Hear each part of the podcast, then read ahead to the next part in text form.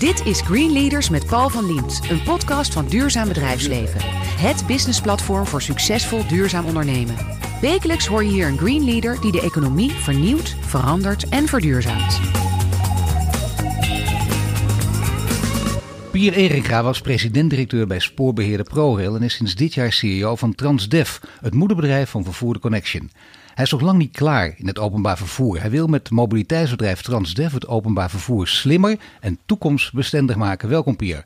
Dankjewel. Eigenlijk wil ik meneer Eringa zeggen, maar ja, we hebben al samen op de foto gestaan. We hebben door het Vondelpark in Amsterdam gelopen. Dus ja, ja vanaf dat moment is het meteen tutoyeren. Precies, toen is het al misgegaan en laten we maar gewoon op die lijn doorgaan dan. Nou kun je nagaan.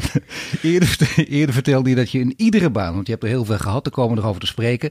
Uh, iedere baan probeer je iets, uh, iets mee te nemen, omdat je overal wat opsteekt. Ja. Nou, dus ja, wat neem je dan mee van ProRail?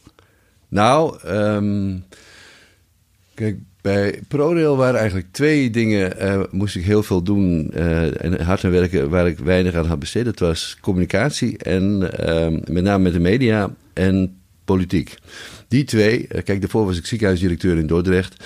En heb ik geleerd hoe je met medisch specialisten omgaat die een beetje eigenwijs kunnen zijn, maar ook wel heel betrokken zijn. Een beetje uh, eigenwijs, ja, medisch specialisten. Heel ja, veel over ja, geld praten ook altijd. Hè? Ja, maar ook wel over de medische inhoud. Dus, dus, het is inderdaad zo dat dokters vaak wel heel gevoelig zijn voor de portemonnee. Maar ook wel, ze willen gewoon ook mensen beter maken. En, uh, maar die heb je dan in de organisatie, terwijl ze niet in jouw organogram staan. Dus ze staan erin, maar er ook een beetje buiten. En om dan vanuit je bestuursfunctie dokters mee te krijgen. En ik was eigenlijk uh, maar zo'n bestuurder die uh, niet verder was gekomen dan een EHBO-diploma. en om dan uh, vanuit die positie toch met dokters in gesprek te raken hoe je dingen beter kunt doen. Dat was de grote oefening in het ziekenhuis. En toen kwam ik bij ProRail. Maar mag ik even, dat is een oefening ook om niet door de man te vallen. Want ze proberen ja, je toch uit, lijkt. Zo is het, hè. en ehm, en, en die, die oefening, die, die doe je met vallen en opstaan. Zo, en, en naarmate je de, de baan iets langer doet dus naarmate je anciëniteit iets uh, groter wordt, dan wordt het ook makkelijker om op enig moment te zeggen: en zo gaan we het ook doen. Maar daarvoor moet je eerst wel wat een beetje krediet opbouwen bij die dokters. Dat ze niet denken: van heb je zo'n passant als bestuurder die ons even met managementtaal om de oren slaat en uh, niet evidence-based bezig is. Want dat management is alleen maar een kunstje. En wat wij doen is het echte, echte werk en ook wetenschappelijk en bewezen en zo. Maar goed, dat ging, ging goed. En in de overstap naar ProRail had ik dat wel geleerd. En toen maakte ik het omgekeerde mee bij ProRail. Want die ingenieurs, heel veel hebben gestudeerd in Delft. Dat is eigenlijk een heel braaf volkje. Dus wat, waar ik aan moest wennen, dat uh, toen ik zei van jongens, we gaan uh, uh, linksaf. Dat men ook plotseling wel linksaf wilde. En ik kreeg. Je kon zeggen wat je wilde. In ja, eigenlijk heel veel, heel weinig tegengeluid. Uh, dus dat was er eentje. De tweede was uh, dat ik al vanaf week 1 merkte hoe dicht de politiek op het uh, ProRail-bedrijf zat. En de derde is dat de media dat ook wel leuk vonden. Dus met name het aspect van communicatie met de media. En hoe je media wel en niet kunt benutten. Hoe media voor je kan werken, maar ook het je lastig kunt maken. Want als je even een onhandige uitspraak doet. En, en, ja, mijn eerste was. Dat ik zei van, goh, uh, bij ProRail zijn brieven vanuit ProRail naar het departement gegaan. Uh, en die wilde het departement niet hebben, omdat die departement niet goed uitkwamen. En meteen uh, ging het FD op scherp en zei van, is het dus zo dat het departement brieven van ProRail negeert? En als ik dan op dat moment keihard ja had gezegd, was dat meteen een val. Terwijl het toch geweest. wel in je aard zit, of ben je, ben je toch wel zo flexibel dat je meteen wist, ik moet hier mijn mond houden? Tegen mijn aard nee, in misschien wel. Nee, ik, ik, ik, ik vond dat ik op de inhoud een punt had. Want het was ook wel zo. Uh, dat het departement geluiden van ProRail... Uh, soms graag ook niet. Maar dan moet je via de media spelen. nou ja, of gewoon zeggen: ik doe het toch, uh, want uh, we hebben een belangrijk punt te pakken. En dat kan op het gebied van veiligheid zitten, of de kwaliteit van het spoor. Maar dat, dat, dat was wel even meteen scherp aan de windzeilen. En als het gaat om die politiek. Ik vind de politiek machtig interessant. Maar om zeg maar, het rondjes koffie drinken, op bezoek gaan bij uh, woordvoerders van politieke partijen. samen met toen mevrouw van Public Affairs. Dat was voor mij een nieuwe tak van sport. Maar wel, um, ik ontdekte wel dat dat heel belangrijk is. Dat je heel veel mensen da denken dat de besluiten worden genomen in de, op de officiële momenten. Maar heel veel besluiten worden natuurlijk daarvoor al lang genomen. Nee, dus natuurlijk. De. Dus, dus de beïnvloeding vooraf En de contacten vooraf en koffie drinken en eens uh, op een terrasje zitten. Maar mag ik even onderbreken? Want kijk, uh, nu we het toch over de politiek hebben. Uh, volgens mij een van de belangrijkste redenen voor jou om bij ProRail weg te gaan. De politiek gaat er nog dichter op zitten. Hè? Je, je, ja, wordt een, ProRail wordt een zelfstandig bestuursorgaan. En daarvoor was je een vennootschap hè, met gewoon keurig één aandeelhouder de staat. Nee, nu nog. En dat, dus dat gaat veranderen. Dus ik vind dat nog steeds ook niet verstandig. Omdat um, je ook ziet dat organisaties zoals UWV CBR, Belastingdienst, uh, Sociale Verzekeringsbank, die zitten allemaal dichter op die eh, politiek. Oh, daar zit de politiek beter op. En dat is niet een garantie dat het daardoor meteen beter gaat. Nee, maar dus- dat zeg je heel vriendelijk, maar het irriteert je toch mateloos dat zij daar, eh, tenminste als ik, alles goed begrepen heb. Ik snap wel dat je mij graag zware irritatie uit mijn mond wilt laten komen. Nou, maar ik wil gewoon horen zoals het is van ja, je. Nee, maar ik, ik vind het niet verstandig. Dus ik heb gezegd, ik vind het niet verstandig. En het is ook uh, niet verstandig omdat nooit goed is gekeken van en de afweging gemaakt wat zijn de voordelen en wat zijn de nadelen om dat te doen. Uh, het, en, en, toen kregen we ook te horen, nee, het is een politiek besluit. En als je dan te horen krijgt dat iets een politiek besluit is, dan doet kennelijk de inhoud er minder toe. En dan uh, moet je gewoon als bestuurder of als organisatie accepteren dat het een politiek besluit is. En eigenlijk zit er ook achter, als je dan nog blijft mopperen, dan respecteer je de democratie niet. Hè? Dus die psychologische druk die zit erachter. En die snap ik ook. Dus dan, dan, dan vind ik ook dat je op enig moment moet stoppen met zeuren. En denken van, goh, ik maak mijn balans op. Uh, je bent geen voorzichtige man. Dat blijkt uit alle verhalen die over je gemaakt zijn. Dat blijkt als je jouw carrière ziet, maar wel een redelijke man. Of, en, en ook een slimme man. Nou, kijk, dat moeten vooral anderen zeggen. Hoor je dan ook vaak zeggen. Eh, dat, als dat netjes, tegen heel netjes, ja. Nee, maar ik, ik denk wel dat ik redelijk ben. Ik ben een fanatiek baasje. Ik wil zaken graag voor elkaar krijgen. En het publieke domein, dus in die samenleving actief zijn, daar dingen voor elkaar krijgen, daar dingen ver, eh, veranderen, dat vind ik leuk. En dat lukt niet als je heel braaf bent. En het lukt ook niet als je heel bang bent. Nee, maar gek is dat, dat zeg je wel vaak, dat bestuurders met name in Nederland heel vaak juist heel bang zijn, veel te bang zijn en meteen ook naar Den Haag kijken. Want oh, oh, oh, we zullen toch eens een beslissing nemen waar Den Haag boos op wordt. Ja, en daar wordt het niet per se beter van als mensen er zo in zitten. Want uh, je krijgt dan veel meer de neiging dat um, ook topambtenaren de neiging hebben om bestuurders of om politiek, uh, uh, de politiek en bestuurders in Den Haag te pleasen. En het gaat mis in een land als, um, als het please-gedrag te hoog wordt. Uh, omdat dan discussies ook niet worden gevoerd, meer worden gevoerd die wel zouden moeten worden gevoerd. Uh, bijvoorbeeld op, uh, bij heel veel van die overheidsorganisaties is ICT echt een iets wat achtergebleven is. Of het nu de CBR is, of het nu Belastingdienst is, of uh, ja, de totale politie. drama's natuurlijk. Ja, en daar... CBR moet ik even onderbreken, want heb je natuurlijk nu ook mee te maken in adviserende rol. Daar, daar ben je toch ook uh, nog steeds mee bezig? Daar ben ik uh, licht bij betrokken. Pechtold is de baas Zeker. en ik ga samen met hem kijken hoe we CBR ook een stap verder kunnen maar brengen. simpel gezegd, het is een zootje daar. Je moet zorgen dat het op orde komt. En ook al een Heeft tijdje. te maken met falende ICT. Uh, nou, ook. Maar ook, uh, kijk, ICT, de ICT die ergens is, die is natuurlijk ooit daar gekomen door bestuurders. En het feit dat het een bepaald niveau heeft, kun je zeggen, kun je ICT de schuld geven. Maar de bestuurders, de leiding die er zat, die heeft er kennelijk niet goed genoeg voor gezorgd dat op tijd geïnvesteerd werd in goede ICT. Uh, het zijn twee dingen zijn belangrijk: dat je en dat je investeert. En dat je zorgt dat je goed is. En dat zijn vaak van die onderwerpen die zijn bij, bij de politiek niet heel populair. Uh, want wat je dan ziet is dat je veel geld erin moet uh, zetten om het te verbeteren. En dat blijft allemaal wat onzichtbaar. Uh, en dat, daar kunnen politici niet mee scoren. Maar op het moment dat het dan misgaat, en dat is echt geweldig in, in het land, vind ik. En het gaat met ICT mis bij een organisatie, dan zijn politici geschokt. Dus het grappige is, uh, weinig interesse als er aan de voorkant goed geïnvesteerd moet worden. En eigenlijk een beetje terughoudend gedrag.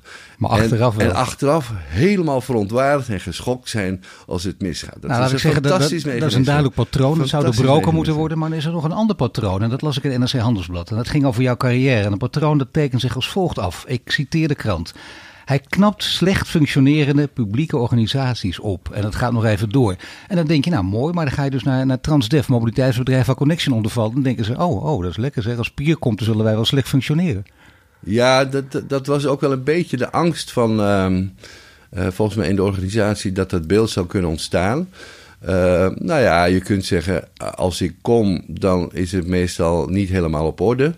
En bij Transdev moeten ook dingen beter. Kijk, vroeger was Transdev is een uh, samenspel van Connection, Hermes, Witte Kruis, uh, ambulances. En, uh, en Connection, en die heeft heel stevig in positie gezeten in Nederland. Misschien wel een beetje te stevig. Dat eigenlijk Connection wel een, een, met 70% marktaandeel in de bussen, zou je kunnen zeggen, mocht ook best een beetje concurrentie hebben. Hè? Want daar wordt het beter van. Want er zit toch nog wel iets in, in, in het bedrijf van ambtelijk en, en nog wat ouderwets. Omdat het ook is voortgekomen uit die regionale, vaak ook wel ambtelijke, uh, wat ambtelijke organisaties. Te braaf, het mag wel even opgeschud worden. Ja. En, uh, Laat het maar aan jou over dus. Nou ja, en, en, en niet opschudden om, om het opschudden zelf. Maar uiteindelijk wil je dat de, de treinreiziger, de, uh, de, de, de passagier in de bus, in de taxi en, in de, en ook in de ambulance het gevoel heeft: goeiedag zeg. Hier wordt even slim, slim gewerkt. En ik weet niet precies wanneer je in het gesprek welk thema aan de orde wil hebben, maar het is natuurlijk wel raar. ik vind het openbaar vervoer voor een belangrijk deel ongeloofwaardig omdat we op heel veel momenten en plekken warme lucht aan het verplaatsen zijn. Uh, wat volgens mij een grote ergernis is voor mensen. De ene kant dat ze moeten staan en geen plekje hebben in het openbaar vervoer. Dat ze denken, goeiedag zeg, hoe kan het nou dat er niet meer bussen, treinen en uh, taxis zijn? Ja. Uh, dat is de ene kant. De andere kant is, als je s'avonds laat in het weekend en op grote delen van de dag kijkt, dan zie je grote bussen voorbij komen en treinen zonder mensen erin. En dat vind ik een mooi vraagstuk om te kijken hoe je samen met de mensen, uh, met, ook met eigen mensen en met de deskundigen die er zijn, openbaar vervoer geloofwaardiger kunt maken door, als het heel druk is, te zorgen dat um, er voldoende uh, zitplek uh, is. En als het heel rustig is, dat je ook heel slim kunt afschakelen en niet zitten verspillen. Uh, dus, dus, dus het Nieuwe thema... slimme systemen. Maar nou, het thema is, dat wil ik eigenlijk zeggen. Ja, ja. je bent wel beland hier in de Green Leaders podcast. Hè? Dus uh, ja. duurzaamheid bijvoorbeeld. Ja. Dit zou onder duurzaamheid kunnen vallen. Lijkt dat het elektrische bussen zijn natuurlijk ook. Ja, maar, maar verspillen blijft verspillen. Of je nu diesel verspilt of elektriciteit verspilt. Het blijft verspillen. Uh, dat, overigens was dat, toen ik ziekenhuisdirecteur was, ook al een thema. Hoe heel veel medicatie door de door de play werd gespoeld omdat het niet slim was geregeld in het ziekenhuis uh, als het ging om het ontslagbeleid. Dus de wist de afdeling uh, ziekenhuisapotheek, die de medicatie voor de patiënten maakte, die wist niet dat een patiënt uh, waarvan zij dachten dat hij nog een dag zou blijven, een dag eerder naar huis ging. En wat was er gebeurd? Een heel setje aan medicatie was al klaargezet, specifiek voor die ja. patiënt. En, uh, en ze dachten van, goh, we gaan even die medicatie naar de afdeling brengen. Nou zeg, blijkt de patiënt al weg te zijn. En de verspilling van medicatie is dan eigenlijk gevolg van niet heel slim uh, niet hele slimme bedrijfsvoering. Kijk, hier kun je dus met een EHBO-diploma en, en, gezond boerenverstand... Uh, kun je gewoon heel veel bergen werk voor zetten. zou je zeggen. Hè? En, en, en dus. wat dan wel leuk is, als het je lukt om mensen bij elkaar te brengen... die zeggen, ja, wij zien het eigenlijk ook wel. En dat je dan zegt, oké, okay, je ziet het ook wel. Hoe gaan we dit dan oplossen? Nou, zeggen uh, mensen van de ziekenhuisapotheek, ja, maar ja, als die afdelingen dan niet op tijd ons een seintje geven dat de patiënt eerder weggaat. Uh, en als de dokter niet snapt, hè, want de dokter moet dan ook snappen als je iemand anders gaat ontslaan dan je aanvankelijk dacht, dat ook even een seintje naar die apotheek moet voor die medica medicatie. Dus, dus wat je dan kunt doen met je EHBO-diploma en je boerenverstand, is een iets beetpakken waarvan je denkt: ja, dit leg ik mijn moeder in Bolsward van 82 niet uit. Hè? Ja, ja. Dus, dus mijn, de norm is vaak ook: kan ik mijn moeder in Bolsward het uitleggen of niet? Mooie norm. En als ik het aan dat is exact. Als ik het haar niet kan uitleggen en ze, en ze zegt: Pier, dat is toch stom?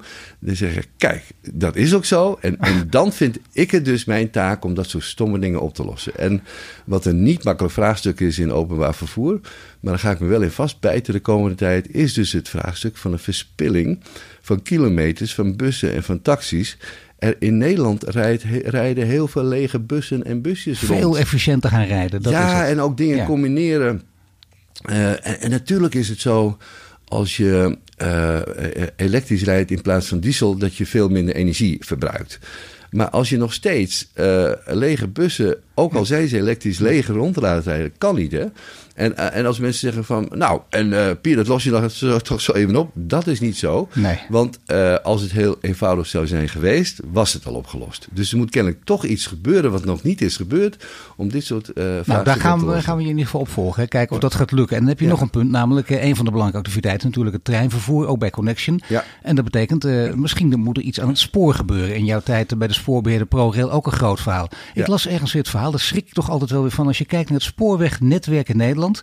Dat schijnt sinds 1940 nauwelijks groter te zijn geworden. Ja. Dus nauwelijks meer meters liggen er in Nederland. Terwijl in 1940 de bevolking bestond uit 9 miljoen mensen.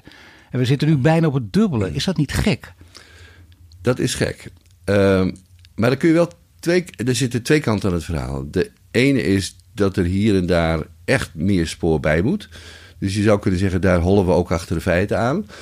Kijk, je zou kunnen zeggen, ProRail is misschien ook te lang in de hoek gedrukt van uh, jullie zijn uitvoeringsorganisatie, zorg nou maar dat je de blaadjes uh, van de rails krijgt en dat die wissels niet meer storen. Hè? Ook ja, belangrijk, hè? ook belangrijk.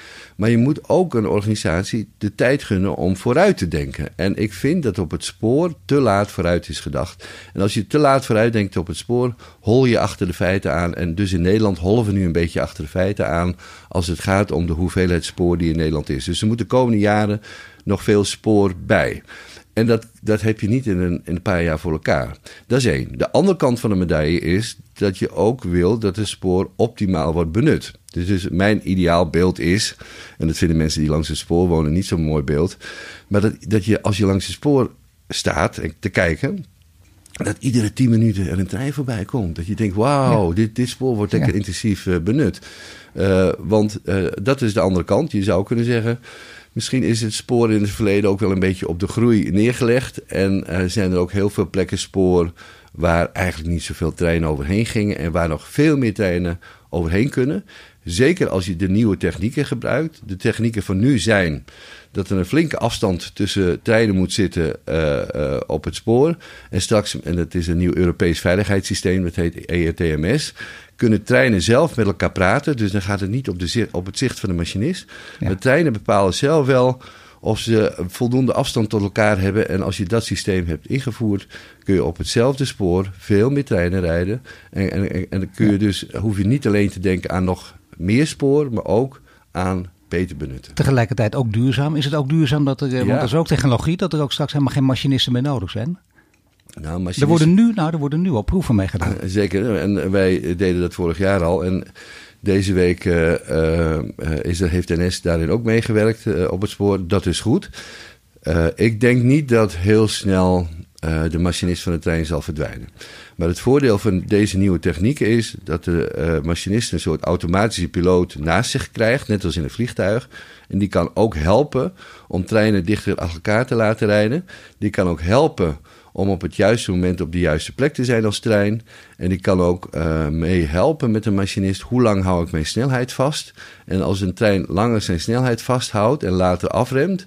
Uh, en die energie terugvloeit in het systeem... kun je meer treinen laten rijden. Uh, dus die, die slimme dingetjes op de trein... Ja helpen ook om, uh, in de duurzaamheid, omdat je meer treinen kunt laten rijden op hetzelfde spoor. Dit is een podcast, dat betekent we hoeven niet te wachten op de reclame of het nieuws. We kunnen eigenlijk eindeloos doorgaan, maar zo is het toch ook weer niet. Hè? We moeten nee. een beetje rekenen hoe interessant het ook is natuurlijk met, met onze luisteraars. Die ja, weten, jij, er komen jij, drie delen. Jij bent de baas en dus ik, ik volg, pak, hè? Heerlijk zeg. Ja. Nou, dat zegt Pier Inga niet vaak voor nee, mij. Nee, Zijn vrouw heeft u er nooit gehoord, of wel? Nou, thuis zeker, thuis zeker. Oh, thuis wel. Oh, ja. Je hoort Pier Inga, de CEO van Transdev. Nou, hij sprak het over de thuissituatie, natuurlijk over de toekomst van, van zijn bedrijf. En ook over duurzaamheid. En zo praten we verder over zijn achtergrond. Música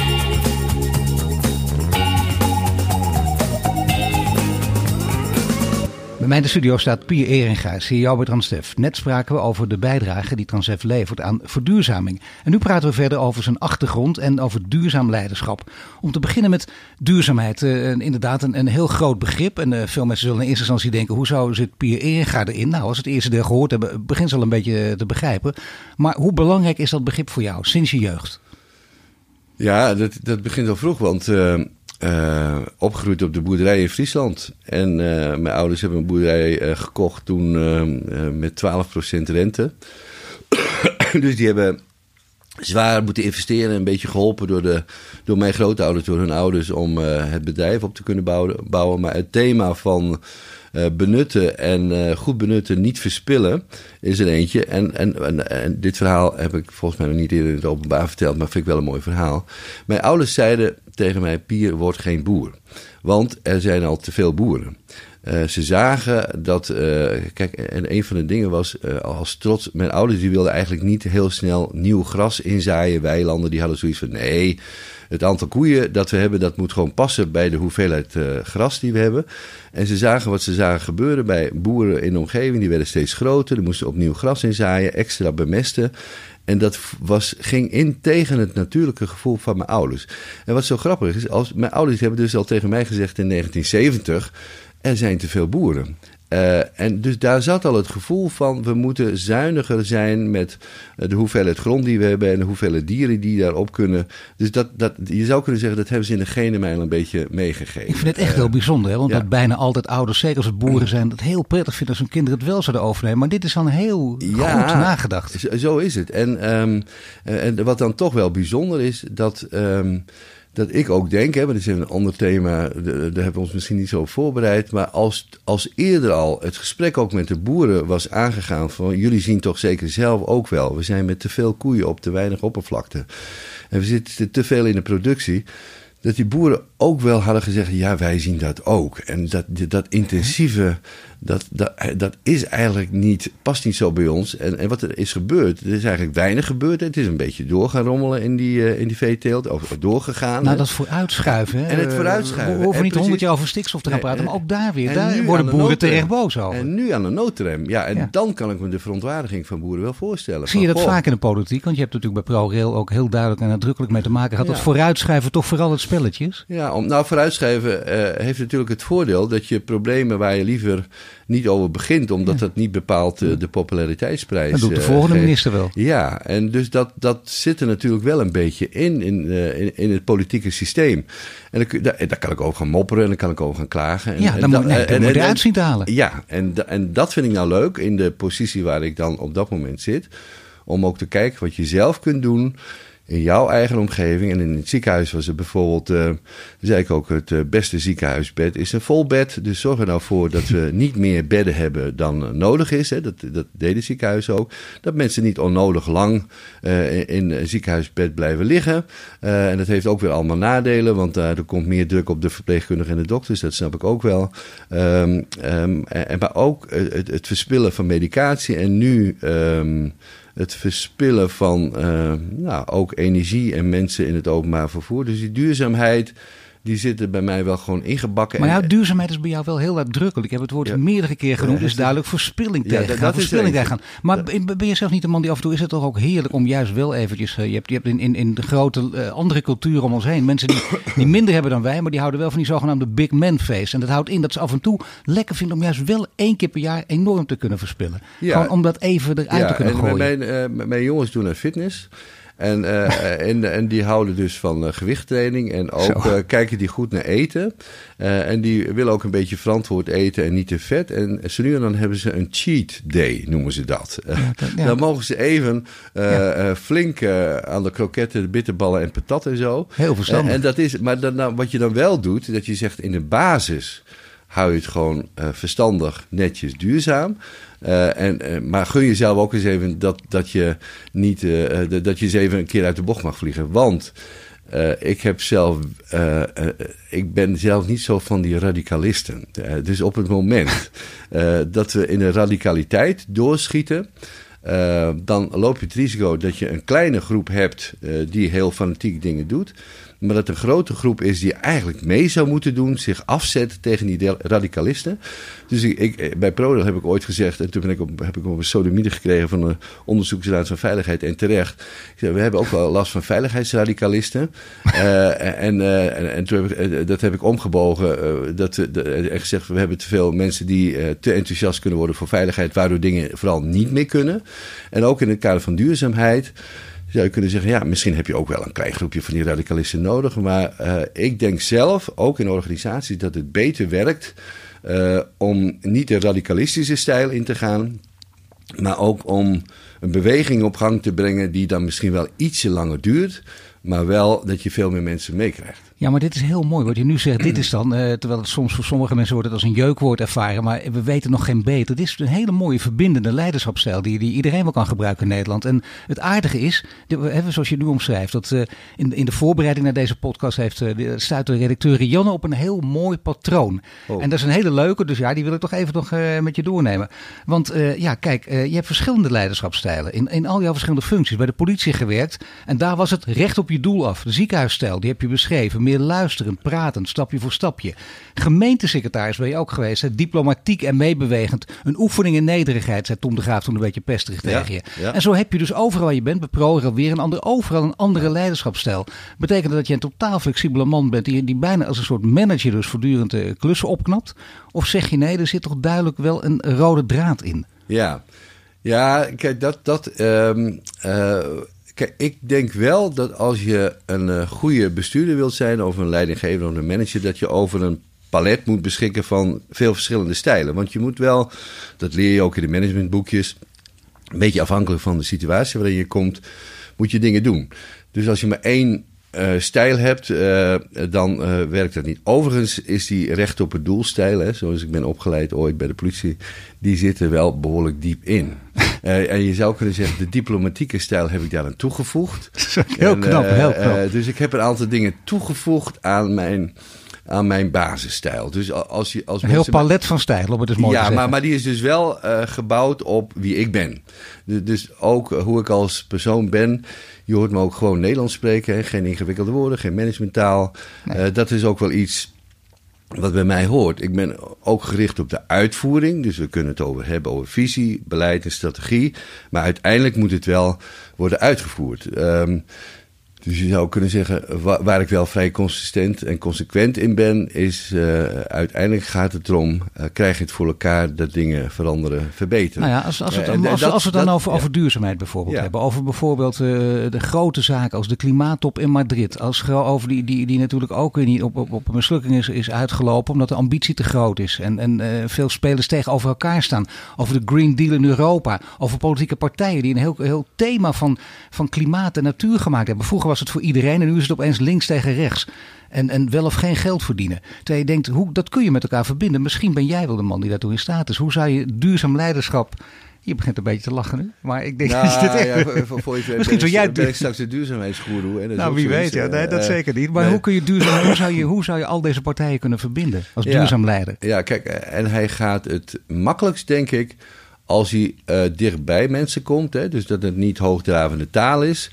En dat je het ook, dat je zoiets, dat, dat je uh, mensen ook iets meegeeft van hoe kan ik het in mijn directe praktijk toepassen. Voorbeeld, uh, doordat ik bij ProRail heb gewerkt en ook bij NS, ben ik treinrijden leuk gaan vinden. Uh, maar, kijk, maar van nature uh, vond ik het lekker om te, vroom, vroom, te, te, scheuren in de auto. 200 uh, denk ik per, ja, in, ja, in Friesland ja, daar kun je ja, makkelijk ook. Ja, nee, zo is het dus ook. Hè? Dat heb je vaak dus gedaan ik ben ook. ook. ben ook niet nee, maar Pier mag ik dat wel even vinden. Dat heb je echt gedaan ook. Ja, ja, nee, dat is waar. Maar wat, en, wat, is, je en, wat is je maximum geweest? 240 of niet? Nee, nee, nee, nee, nee, nee, 220. nee, nee, nooit, nooit over de 200 geweest. Nooit. Oh, no. Want uh, dus in die mee, zin hè? is, ja, zit er kennelijk ook wel een begrenzing op die man. ja. Wie had dat gedacht? Uh, maar uh, uh, kijk, ik, ik rij nu elektrisch en, en, het, en, en ze hebben het elektrisch rijden nu ook zo leuk gemaakt. Alleen nu heb ik, er komt een nieuwe elektrische auto voor mij aan, wegens uh, Transdev en zo. Ik heb gezegd, maar ik wil wel een grote actieradius. Want waar ik helemaal ziek van word, dat ik overdag moet nadenken. Want ik doe veel met de trein en met openbaar vervoer. Maar als ik met de auto ga, moet ik niet zo'n gerichtheid hebben de hele dag van... is hier wel ergens een laadpaal en zo. Dus ik wil dan in ieder geval... ik wil elektrisch rijden is leuk, hè? Daar, kun je ook sportief mee rijden. Maar dan niet de zorg van... waar is hier de laadpaal? Dus als dan de accu groot genoeg is, dan um, uh, vind ik het lekker. Uh, en wie had gedacht, ook als het gaat om elektrische fietsen... Uh, mijn ouders die gebruiken bijna hun auto niet meer... Omdat ze door de elektrische fiets de fiets veel meer pakken. Ze voelen zichzelf verzekerder. Zijn beide flink in de tachtig. En merken ook dat het leuk is om te fietsen. En dankzij die batterij um, uh, op de fiets pakken zij de auto bijna niet meer. Kijk, dan wordt die leuk, hè? En dan komt hij dichtbij. Dus maakt duurzaamheid uh, vooral leuk. Nee, ja, maar echt serieus, ja, dat, is, dat is dan ja, wel een van de oplossingen. Ja, dicht bij huis. Wij hebben uh, sinds een paar jaar um, de, de scheiding van plastic. Uh, dus thuis hebben we nu een, een, een ook een oranje container met zo'n oranje deksel uh, in de gemeente Apeldoorn. En, en we stonden er thuis uh, versteld van hoeveel plastic tussen ons huisafval zit. En, en dan is het gewoon leuk om die plastic bak te vullen. Eerst in eigen huis om die, die afvalemmer. Dat je denkt, wauw, in één dag zoveel plastic. en dat je dan die grote grijze container, dat je, dat je ziet hoe snel die gevuld is met plastic. En dan voelt het gewoon lekker dat je dat plastic tenminste in de plastic hoek hebt gedaan. En, en dat ze daar nog iets, misschien iets mee kunnen. In plaats van dat je dat tussen het gewone afval hebt. Nou, als ik hoor, ik denk dat het waar dat het werkt. Dan mag we ook, ook in leiderschapstijlen over duurzaamheid wat meer, wat meer humor in, wat meer plezier in. En, ja. en misschien mag er ook wat meer uh, af en toe gestrekt been in. Dat doe jij ja, ook. Je hebt niet voor niks je bijnaam uh, je aangeleverd door uh, minister Sintje van Veld, of geloof ik. Pietje Bellen. Pietje Bel, ja. Pietje Bel. Je bent niet ontkend. nee, Pietje Bel die... Um, uh, die is overigens niet de jongen altijd met de gestrekte benen, maar Pietje Bel is Ondeugend wel... Ondeugend tegen de autoriteiten. Ja, op voorhand niet de autoriteiten volgen. En um, dus uh, kijk, het, het, mijn persoonlijke motto is ook als Fries liever dood dan slaaf. Hè. Er zit iets in van, nou mooi uh, dat mensen belangrijke bestuurlijke posities hebben. maar niet op voorhand maar braaf zijn en alles volgen. Uh, dus, dus, dus je moet ook, ik, ik moet ook zelf wel een beetje overtuigd worden door persoon of door de inhoud. Wil ik daarin meegaan? En eigenlijk gun ik dat, eh, eigenlijk, dat gun ik ook de mensen waar ik mee werk. Die mogen ook tegen mij een grote mond hebben uh, en zeggen van. Dus ik nodig ook uit kom erop met als wij dingen niet goed gaan. En um, ik heb afgelopen week met onze leidinggevende gesproken en gezegd van wat ik heb opgepikt in de organisatie, dat wij dingen niet goed doen. Nou, wat, is dat, wat doen we niet goed? Bijvoorbeeld aandacht hebben voor onze chauffeurs. Die vinden het gewoon prettig als ze ochtends een ronde hebben gereden met de bus en ze komen koffie drinken na de spits, dat ze even hun verhaal kwijt kunnen wat ze tegen zijn gekomen. De stress die ze in hun lijf hebben gevoeld in die spits, dat ze op tijd moeten rijden of dat ze uh, de stress van het niet de, de ruimte krijgen om in te voegen de stress ook uh, van reizigers die dan een beetje wat, wat agressief kunnen worden. En, en wat mij zo makkelijk lijkt dan, hè, en zo vanzelfsprekend dat je als leidinggevende dat aanvoelt en denkt van als ze dan koffie gaan drinken, zorg ik ervoor dat ik er ben. En dan kunnen ze even tegen me aanpraten en ik ga ook luisteren en, en, en, en kijken, zijn er dingen bij die wij misschien aan moeten pakken als organisatie om het voor die chauffeur prettiger te maken. En dan wil ik nu graag weten, dit hele verhaal, op welk wereldbeeld is dat gestoeld? Ja, ik eigenlijk niet, maar dat wil vooral Thomas Rauw weten. Die was hier uh, eerder te gast, Thomas Rauw, architect. Mijn vraag zou zijn, welk wereldbeeld en wel, welk mensbeeld is voor jou leidend in omgang met andere mensen? Ja, een beetje Duits-Nederlands, je hoort het bijna niet, maar toch wel een uh, nou, vraag. Oh, hè? Ja, ja, ja. Maar, eh, nee, je zou natuurlijk verwachten van een transdefbaasje dat hij uh, Nederlands met een Frans accent heel goed verstaat, maar Nederlands met een beetje Duitse klank, dat gaat ook heel goed. En uh, dit was ook heel goed te verstaan. Uh, nou, ik heb wel een optimistisch wereldbeeld. Um, ben, mocht ook twee jaar geleden naar uh, Silicon Valley. Uh, en daar was ook wel veel optimisme over dingen die we nu nog niet kunnen en niet zien, die er wel aankomen. We zijn nu bang voor de fossiele brandstof. Maar de kansen die wind- en zonne-energie bieden, dus, dus daar was eigenlijk de stelling, en dat vond ik ook wel mooi. Energie is in de toekomst geen probleem, want wij zijn in staat om de zonne-energie die er heel veel is en de windenergie en andere vormen van energie gewoon op te wekken en te gebruiken. Dus in, van nature ben ik wel, uh, heb ik een optimistisch wereldbeeld. Krijg je dat cadeau en is dat vanzelfsprekend? Nee. Mensbeeld precies hetzelfde. Van nature uh, ga ik ervan uit dat iemand als hij, uh, dat die iemand graag een leuk leven wil hebben. En de een lukt het beter dan de ander. Uh, ik ga er ook voor uit, als mensen bij ons werken, dat ze graag uh, de mouw willen opstropen om te zeggen: Nou, ik heb een leuke baan, afwisseling, krijg een beetje leuk salaris, leuke collega's, krijg ook nog de kans om een beetje te ontwikkelen. Uh, en bij heel veel mensen is dat zo. En, en, en wat nou, wat we meer zouden kunnen doen, denk ik, en dat hebben we geleerd van procureur-generaal Dato Steenhuis, de man vroeger met de rode sjaal, die ruzie maakte met zorgdrager. maar en hij zei: wat we te weinig doen is normbevestiging. En uh, uh, dus als iets goed gaat, ook maar het benoemen dat het goed gaat. Even de conducteur in de trein. Waarom knipt hij een kaartje in de trein? Hij knipt tegenwoordig geen kaartjes meer, maar controleert ze wel.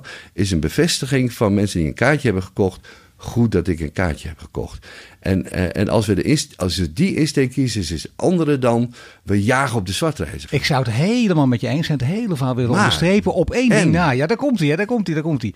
Nou, je toch over de conducteur hebt. Je komt aan op het station en dan wordt er regelmatig omgeroepen. Als je dus net aankomt, wij arriveren exact op de juiste tijd. Ja. Station Leiden. Ja. Dan denk ik, ga nou toch op zeg.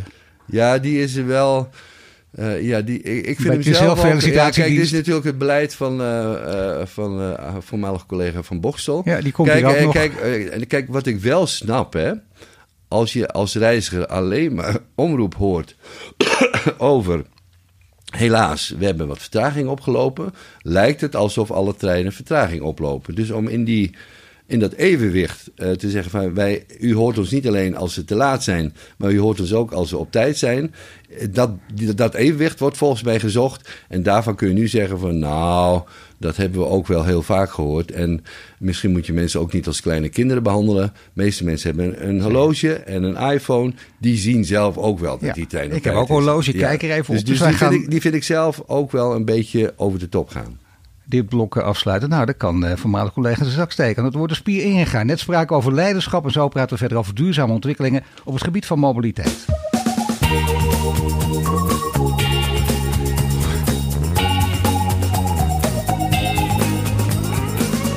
In de studio staat Pier Eringa, CEO van Transdev. Net spraken we over zijn achtergrond, over duurzaam leiderschap. Heel veel verrassende opmerkingen, ook gelukkig op dat gebied. En nu praten we verder over de verduurzaming van mobiliteit. Dus ja, ik ben benieuwd hè. Want hoe ziet mobiliteit van de toekomst eruit? Om meteen met de makkelijkste vraag te beginnen. Nou, wat we zien eh, is dat in ieder geval die mobiliteit groeit als kool. Ehm, en eigenlijk zou je kunnen zeggen, wat je zou willen om de echte grote verspilling en, en duurzamer te worden in mobiliteit, zouden mensen minder mobiel moeten worden. Dus mensen zoeken het wat dichter in je buurt. Hè? Dat zou het motto moeten zijn. Want als iedereen het wat dichter in zijn buurt zoekt, met uitjes, met werk, eh, dan hebben we minder mobiliteit. Maar die beweging die lijkt me heel ingewikkeld om die over de bühne te krijgen. Toch is dat heel belangrijk, juist Ja. in tijden van globalisering. Hè, waar mensen ook denken, oh ik kan daar niet aan mee of ik ga er niet aan mee. En zich gaan afkeren en afwenden en boos worden. En begrijpelijk ook. Dan zou je toch inderdaad de zogenaamde lokalisering weer in het leven kunnen roepen. Ja, nou, nou, in ieder geval als het gaat om mobiliteit, eh, eh, eh, zeker. Kijk, want je kunt bij duurzaamheid kun je zeggen, we proberen iets op een duurzame manier te doen. Maar je kunt ook de vraag eerder stellen, moeten we het wel doen? Eh, dus eh, eh, moeten we wel willen dat mensen zoveel reizen en op pad gaan? Eigenlijk liever niet zoveel, liever wat minder. Maar die, die, dus dat, dat bewustzijn zou je mensen wel mee kunnen geven. Geen tien keer per jaar vakantie. Wel, maar dan een beetje in de buurt. En dan ook denken van, als het weer wat, wat minder goed is, geen punt, ook genieten geblazen. Dus niet alleen gericht zijn op alleen mooi weer, maar genieten van weer. En, en weer is niet alleen mooi weer, weer kan ook zijn als het regent of als het stormt. Eh, maar we hebben ook, ons ook een beetje aangepraat dat vakantie ook vooral lekker weer moet zijn. En dat Ook vinden mensen in Venetië en. Barcelona ook heel fijn dat jij dit zegt. Ja, dat, dat niet Eigenlijk iedereen nog meer mensen daar naartoe gaan. Het is Dus wel een beetje apart. En, en, en dan, afgelopen zomer gingen we naar Schotland. En je zou heel veel mensen aan willen raden om eh, eh, eens een keer naar Schotland te gaan. En het leuke van de Schotten is, eh, die maken op, eh, op één dag allerlei soorten weer mee. En die switchen heel makkelijk van in t-shirt naar even een regenjas aantrekken. Ja. En, eh, en dat hoort er gewoon bij. Eh, dus als we meer het gevoel zouden krijgen, je kunt ook genieten van weer en, en, en, en, en, eh, en vakantie dichterbij, dan pak je al heel erg iets. Hè? Maar als dat niet helemaal lukt en je hebt toch de mobiliteit, en die mobiliteit die groeit als kool, dan wordt dus de kunst, als je werkt in de wereld van mobiliteit, om te zorgen dat, daar, eh, dat je dan zo zuinig mogelijk bent met, eh, met spullen, met middelen, dat je dat duurzaam doet. Ja. Eh, en dat, daar ligt een belangrijke taak voor het openbaar vervoer. En het aardige van openbaar vervoer vind ik, als je kijkt naar, naar onze treinen en het spoor, we, zijn, we hebben bijna geen dieseltrein meer lopen. Dus dat is allemaal elektrisch ja. geëlektrificeerd. Dus is al duurzaam. Kun je het nog duurzamer maken, dat systeem? Jazeker. Kijk je naar de bussen. ehm, ik we hadden gis- gisteren toevallig een eh, bijeenkomst met collega's. Wij lopen in Europa wel heel erg voorop met die elektrische bussen. Eh, als je kijkt naar Transdev breed. Ik vroeg even aan de collega's van Europa. eh, Hoofdkantoor van jullie in Parijs. ja, en van hoe zit het eigenlijk met onze bussen en bestellingen van bussen? De meeste bussen die nu worden besteld zijn dieselbussen, weliswaar biodiesel, maar heel weinig elektrische bussen. Terwijl eh, elektrische bussen vooral in stedelijk gebied fantastisch zijn. Hè? Eh, je, en je moet er aan toe zijn. En je krijgt het niet cadeau, want je moet investeren. En een bus die normaal gesproken 250, 350 kilometer kon rijden, die kan nu soms maar 70 kilometer rijden op een batterij. Dus je betekent ook dat je wel wat gedoetjes krijgt intern. Dat je je roosters om moet gooien. eh, dat je misschien ook andere routes moet maken. Eh, Nee, maar wacht even, je- je- gedoetjes. Maar dit, dit is nou precies het punt. Nee, je hebt helemaal gelijk, denk Ja. ik, in die richting. Veel mensen zullen dit standpunt delen, maar dat gedoetje, daar gaat het om. Hè. Daar komen ze in opstand, gemoor. En hoe ga je daarmee om? Dat is pas Ja. leiderschap tonen. Ja, maar wat ook aardig is, als je die gedoetjes moet je vaak even doorheen. Want als je er doorheen gaat, hè, eh, Eindhoven is een stad eh, die behoorlijk voorop liep met elektrische bussen. Dan raken mensen op enig moment, de chauffeurs zijn trots op een elektrische bus. Ja. Mensen die erin zitten denken van wauw, eh, best wel mooi zo'n elektrische bus. En, en, en de stad die raakt dan trots op het feit dat ze niet meer bussen met uitstoot hebben, maar dat je elektrische bussen hebt Maar rondrijden. toch mag Dus- je, hebt dat dus vaker meegaan. Maar hoe haal je mensen door zo'n fase heen? Ik zou bijna zeggen, eh, hier, kun je, hier kun je ook eh, de gele hesjes mee oplossen. Hè? Dat even door die fase heen. En dan zien ze uiteindelijk dat toch de veranderingen niet zo slecht zijn als ze denken. Ja, daar heb ik ook wel les gehad van Tom de Graaf. Die zei, eh, als burgemeester is soms je taak ook heel eenvoudig. Je moet kunnen optellen eh, en aftrekken. Eh, je kunt, dus een van mijn stijlen is ook wel dat ik op zoek ga, heb ik een gezonde meerderheid? Heb ik, heb ik bij dingen die ik wil, om vooruit te willen, een gezonde meerderheid? Want, ehm, eh, zeg maar, in de wereld van bestuurders zijn er altijd partijen die jou het liefst op de plek willen houden en dat dingen blijven zoals ze zijn. Vakbonden die, eh, zijn vaak wat terughoudend. Eh OR'en eh, die zeggen voorzichtig, voorzichtig. Een dep- departement politiek zegt voorzichtig, voorzichtig. Regelgeving zegt voorzichtig, voorzichtig. Klantenpanels die zeggen voorzichtig, voorzichtig. En dan moet er toch iemand zijn die zegt van nou, voorzichtig, voorzichtig. We moeten ook even een stap vooruit zetten. En daar ligt, vind ik, een verantwoordelijkheid voor bestuurders. En als je denkt van nou, ik heb een meerderheid, ook in de goede, goede hoek. Dan die stap maar zetten. Maar die zijn er zo En- en- weinig. Ze zijn en- bijna niet te vinden. Nou ja, eh, dan moeten die er meer komen. Hè? Eh, maar als je, als je eh, het consensusmodel eh nastreeft... van iedereen moet het toch ook wel een beetje eens zijn... dan lukt het niet. Dus wat je... Nee, gezonde meerderheden, dat is een heel Een interessante. gezonde ja. meerderheid. En dan om kunnen gaan met die minderheid die tegen is. En dan is het toch wel grappig hè, dat je ziet ook... Nou, een van de grote thema's in Nederland... vroeger met de studentenkaart... Eh, studenten kregen een studenten-OV-kaart, verzet, verzet, verzet. En toen werd op enig moment die OV-kaart teruggedraaid, eh, eh, verzet, verzet, verzet. Dus, de- dus er zijn heel veel voorbeelden waarvan je zegt, kijk nou eens even hoe het verzet er aan de voorkant zat. En toch hebben mensen de stap gezet met een gezonde meerderheid en om kunnen gaan met die minderheid, waardoor, dingen, eh, waardoor je vooruit komt. En dat is pas effectief leiderschap. Ja. Maar we hebben het ook over Ja. mobiliteit. En nu hoor je mij het woord effectief niet noemen. Hè? Dat Oh. noem jij dan weer, omdat dat weer Waarom zo'n zo managementaal is, effectief. is. Nou, daar hou ik helemaal Nee, niet van. Maar effectief is wel belangrijk. Dat, Ja, dat het nee, gewoon nee, dat er het iets woord. gebeurt. Het is het goede woord. Klopt wel, hè? Ja, het is het goede woord. Dan is er nog iets, namelijk eh, als we het over mobiliteit hebben, de zogenaamde slimme mobiliteit. En dat is eerder in deze podcast door sommige mensen ook al aangehaald. Onder andere Alexandra van Huffelen van de GVB, grote vervoerbedrijf in Amsterdam en omgeving. En dan gaat het over alles op elkaar aan laten passen. Het klinkt me ook geweldig als muziek in de oren en soms lukt dat ook. Je gaat naar, eh, pakt eerst de trein, dan de bus en dan staat de fiets klaar. Achter elkaar kun je gewoon op je plaats van bestemming komen. Als het tenminste goed aansluit, want anders Ja. ga je natuurlijk terecht mopperen. Ja. Is, is, ligt daar niet vooral de sleutel? Eh, Zeker. En dan heeft Alexander van Huffelen nog een makkelijk eh, gebiedje. Want in een stad heb je dat allemaal. Ehm, dus, dus dan moeten we dat vooral doen. En eh, volgens mij is ook al de trend onder jongeren om eh, niet of later met een rijbewijs te beginnen en veel meer met openbaar Ja. vervoer te doen. Dus dat, dat helpt alleen maar. Dus dat is zeker waar. Maar wat nou als je in de kop van Noord-Holland woont of je woont in Zeeland? En wat heb je dan aan dit verhaal?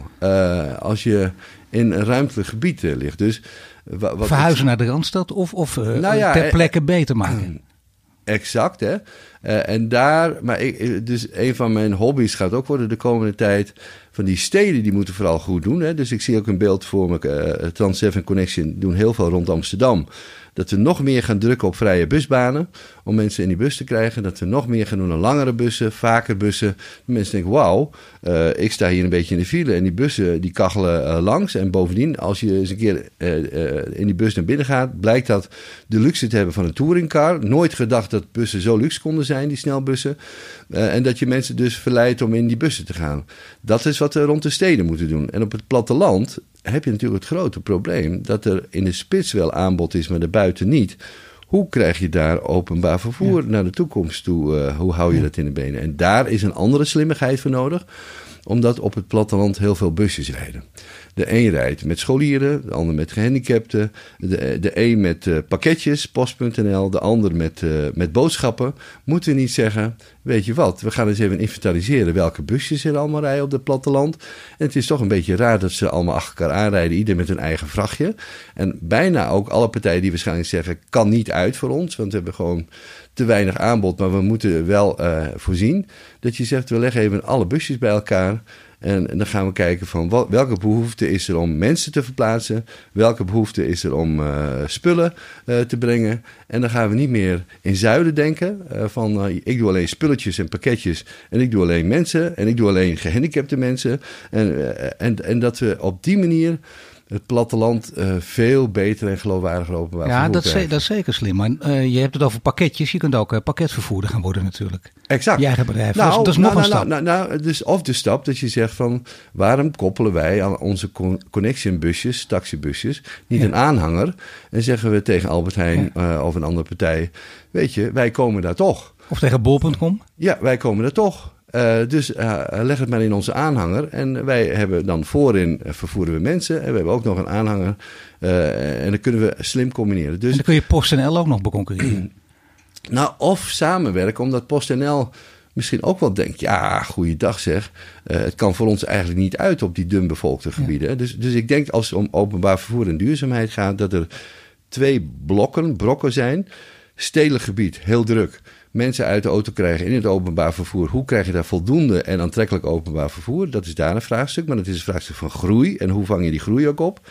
Op het platteland uh, is die groei niet. En hoe hou je daar toch het platteland levend en aangesloten met slim vervoer? En dan moeten we denk ik uit onze zuilen, uit onze koker stappen en samen gaan kijken wat valt hier rond te brengen, mensen Ja. en, en pakketten. En dan gaan we de koppen bij elkaar steken. En dan is er nog één, namelijk uh, als het gaat over het uh, vervoer per spoor. Uh, dat staat ook allemaal in die Green Deal. Dat wil Europa ook. Veel ja. meer vrachtvervoer Ja, ja. via het spoor. Dat is nog veel te weinig.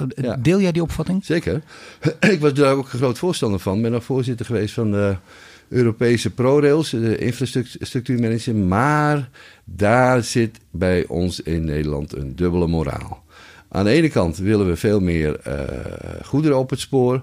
Aan en het water. Kant, al, uh, en het water ook. Hè. Nu is overigens spoor uh, schoner dan water. Uh, en dat gaat misschien wel veranderen. En ik krijg misschien ook boze mensen die zeggen: nee, maar op het water kunnen we ook heel schoon vervoeren. Maar water en spoor zijn inderdaad goede en betere alternatieven dan de weg. En tegelijk zie je ook zelfs groene partijen dat die van goederentreinen gifttreinen maken. Ze maken daar rijdende bommetjes van. Dus worden bijna goederentreinen ook gecriminaliseerd. En die krijgen een reputatie opgedrukt die volstrekt ongepast is. Dus dan ook stoppen met uh, zeuren over uh, uh, rijdende bommetjes en gifttreinen. Zo, we hebben praktisch geen gifttrein die meer rijdt. En het risico is super laag. Uh, wel moeten we een oplossing vinden. En daar moeten ook de innovaties mensen die met duurzaamheid en slimmigheid bezig zijn... een oplossing voor vinden. Goederentreinen maken lawaai en trillen. Dus we moeten een oplossing vinden voor de trilling op het spoor en geluid. Want ik snap ook best hè, dat als je langs zo'n spoor woont. Dus je zegt ja, leuk, iedereen uh, meer goederentrein op het spoor. Personentreinen merk ik niet. En dat is ook vaak de ervaring van mensen die langs het spoor wonen. gewoon een personentrein raak je aan gewend. Ja. Hoor je niet meer. Maar op het moment dat de goederentrein voorbij komt. dan trillen nog te vaak de kopjes ja. op de tafel. Ja. Of als je achter in de tuin zit. dat je denkt van wat een lawaai van die goederentrein. Dus meer goederen op het spoor, ja. Uh, dan ook de reputatie van goederenvervoer uh, uh, helpen. en in de techniek eh, helpen om de overlast die dat met zich meebrengt op te lossen. Nou, moet je kijken wat een oplossing allemaal, wat een creatieve manier, ook wat een vriendelijke manier, om heilige, uh, vriendelijke manier van praten om heilige huisjes af en toe om ver te trappen. Ben je lid van een politieke partij? Ik ben lid van een politieke partij. En welke? Ja, ik ben lid van de VVD. Uh, zou, je Rutte willen opvolgen of niet? Nee, nee, nee, nee, nee kijk, nee, absoluut niet. Want uh, ik heb mijn vrouw ook beloofd nooit in de politiek uh, te gaan of politicus te worden. Oh, die vrouw dat die speelt een grote rol, merk Zeker. Die is dus de baas thuis. Nee, ja. dat, dat is, is gewoon zo. maar en waarom is dat zo? Omdat politiek een vak is, daar heb ik respect voor. En soms ook helemaal niet.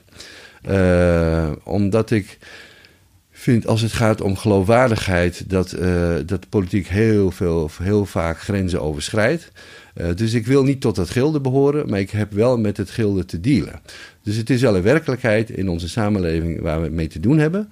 En ik werk in omgevingen vaak dicht op die politiek. Dus ik ga ook vriendelijk opgewekt kopjes koffie drinken met politici en daarmee werk ook uh, te doen. Maar ik zal nooit onderdeel worden. Is het je wel eens gevraagd of niet? Um, ik denk, nee, nee, nee, niet. Uh, uh, uh, want waarschijnlijk straal ik ook uit dat ik het veel leuker vind om op de inhoud in een organisatie voor dingen En ze vinden je toch, ze halen toch een potentieel gevaar binnen natuurlijk, hè? Al die, al die voorzichtige types. Ja, dat, dan kom je op de wat als vraag en die, daar ga ik niet in mee. Nee, dus er zal nooit sprake van zijn uh, uh, dat kan de kop worden. Erika werkt uh, met plezier met de politiek. Moet ik ook. dat zit ook bij mijn salaris in. Maar zal nooit onderdeel worden van het gilde van politiek. Nou, dank voor het meedenken. Die kop die is binnen. Hartelijk dank voor dit gesprek, Pier Erika. Je luisterde naar een podcast van Duurzaam Bedrijfsleven. Mede mogelijk gemaakt door onze partners Ebbingen en Hill en Nolten. Volgende week zijn we terug met een nieuwe Green Leader. Dit was de Green Leaders podcast voor deze week. Volg onze website voor meer nieuws over succesvol duurzaam ondernemen. Wil je meer afleveringen luisteren? Abonneer je dan nu via iTunes of Spotify en krijg een melding wanneer er een nieuwe podcast online staat.